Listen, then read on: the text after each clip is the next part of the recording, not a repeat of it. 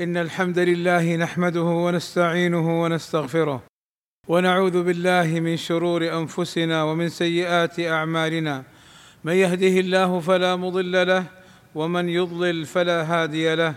وأشهد أن لا إله إلا الله وحده لا شريك له وأشهد أن محمدا عبده ورسوله. يا أيها الذين آمنوا اتقوا الله حق تقاته ولا تموتن إلا وأنتم مسلمون. يا أيها الذين آمنوا اتقوا الله وقولوا قولا سديدا. يصلح لكم أعمالكم ويغفر لكم ذنوبكم. ومن يطع الله ورسوله فقد فاز فوزا عظيما. إن أصدق الكلام كلام الله وخير الهدى هدى محمد صلى الله عليه وسلم.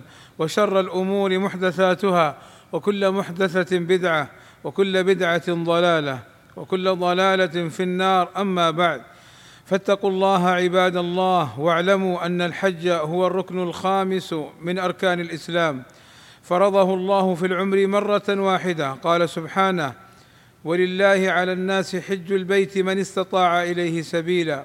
وقال صلى الله عليه وسلم بني الإسلام على خمس. وذكر منها وحج البيت. فمن كان مستطيعا للحج ولم يحج سابقا فليبادر بالحصول على تصريح الحج ثم يحج.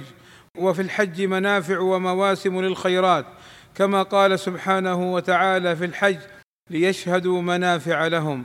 فمن ذلك الفوز بالجنة. قال صلى الله عليه وسلم الحج المبرور ليس له جزاء إلا الجنة. ومن ذلك أن الحج فيه مغفرة للذنوب. قال صلى الله عليه وسلم من حج لله فلم يرفث ولم يفسق رجع كيوم ولدته أمه. وهذا في الذنوب التي بين العبد وبين ربه وعليه أن يتحلل من حقوق الناس فليست داخلة في العفو والمغفرة. ومن المنافع التعارف بين المسلمين والتعاون بينهم على البر والتقوى. ومنها المنافع الدنيوية كالتجارة.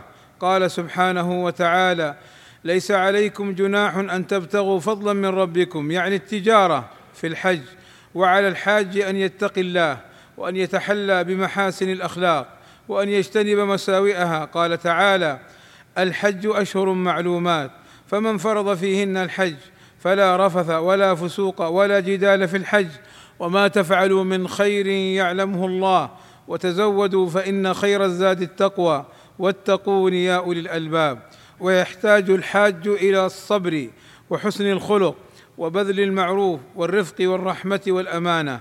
عباد الله إن الالتزام بأنظمة أمن الحجاج وسلامتهم كالالتزام بالحج بتصريح والالتزام بعدم الافتراش على الطريق وغيرها من الأنظمة التي المقصود منها سلامة الحجيج ومصلحتهم فإنه من التعاون على البر والتقوى.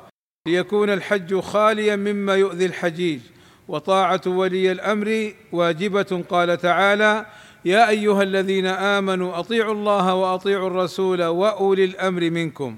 وقال صلى الله عليه وسلم من يطع الأمير فقد أطاعني ومن يعص الأمير فقد عصاني. والله أسأل لي ولكم التوفيق والسداد وأن يغفر لنا الذنوب والآثام. إنه سميع مجيب الدعاء. الحمد لله رب العالمين والصلاة والسلام على المبعوث رحمة للعالمين وعلى آله وصحبه أجمعين عباد الله. من لم يتيسر له الحج فليغتنم العمل في عشر ذي الحجة. قال صلى الله عليه وسلم ما من أيام العمل الصالح فيها أحب إلى الله عز وجل وما من عمل أزكى عند الله ولا أعظم أجرا من خير يعمله في عشر الأضحى. قيل ولا الجهاد في سبيل الله فقال صلى الله عليه وسلم ولا الجهاد في سبيل الله إلا رجل خرج بنفسه وماله فلم يرجع من ذلك بشيء وليحرص غير الحاج على صيام يوم عرفة فإنه يكفر السنة الماضية والسنة التي بعده.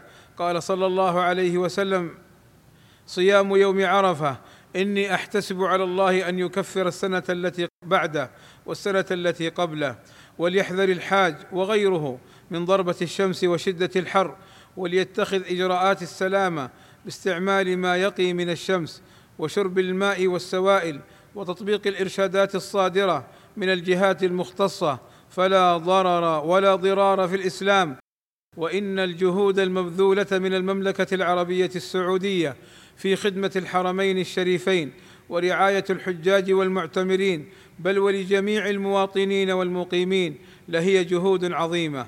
تقتضي معرفة فضلهم والدعاء لهم بالتوفيق والخير والسداد وشكرهم فمن لم يشكر الناس لا يشكر الله. عباد الله إن الله وملائكته يصلون على النبي يا أيها الذين آمنوا صلوا عليه وسلموا تسليما. فاللهم صل على محمد وأزواجه وذريته كما صليت على آل إبراهيم. وبارك على محمد وأزواجه وذريته كما باركت على آل إبراهيم إنك حميد مجيد.